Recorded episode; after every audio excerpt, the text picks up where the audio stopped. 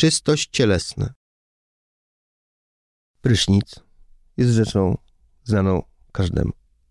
Ale mało kto zdaje sobie sprawę, że słowo prysznic ma swój źródłosłów w nazwisku niejakiego Wincenca Prysznica, niepiśmiennego chłopa z czeskiego Śląska.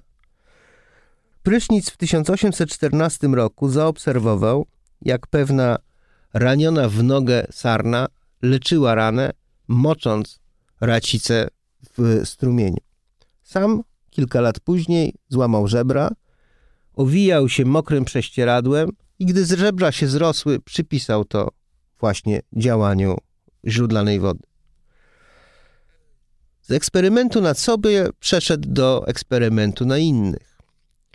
Bogaci arystokraci, w tym brat cesarza, płacili duże pieniądze za to, by przespać się w stodole prysznica, a następnie być przez niego wypędzonym na pokrytą rosą trawę i polewanym z wiadra zimną wodą. Lekarze profesjonalni byli tym przerażeni. W 1829 roku postawiono prysznica przed sądem. Sąd skazał go na tydzień więzienia.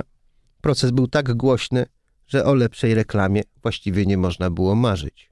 Wkrótce powstało sanatorium w Grafenbergu, gdzie za całkiem niezłą opłatą przyjeżdżali bogaci ludzie po to, by pomoczyć trochę w wodzie głowę, owinąć się mokrym prześcieradłem, skąd my to znamy. W Szwejku dr Grinstein owijając gruźlików mokrym prześcieradłem wcale nie był jakimś egzotycznym lekarzem. To była, może nie w stosunku do gruźlików, ale normalna praktyka.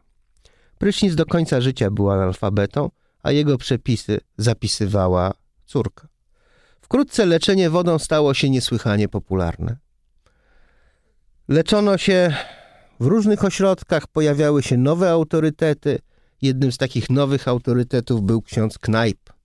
Jego pracę o leczeniu wodą tłumaczono na wiele języków, w tym także na język polski.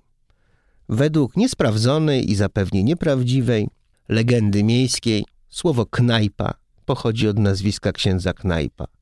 Tam także leczono wodą, tyle że ognistą.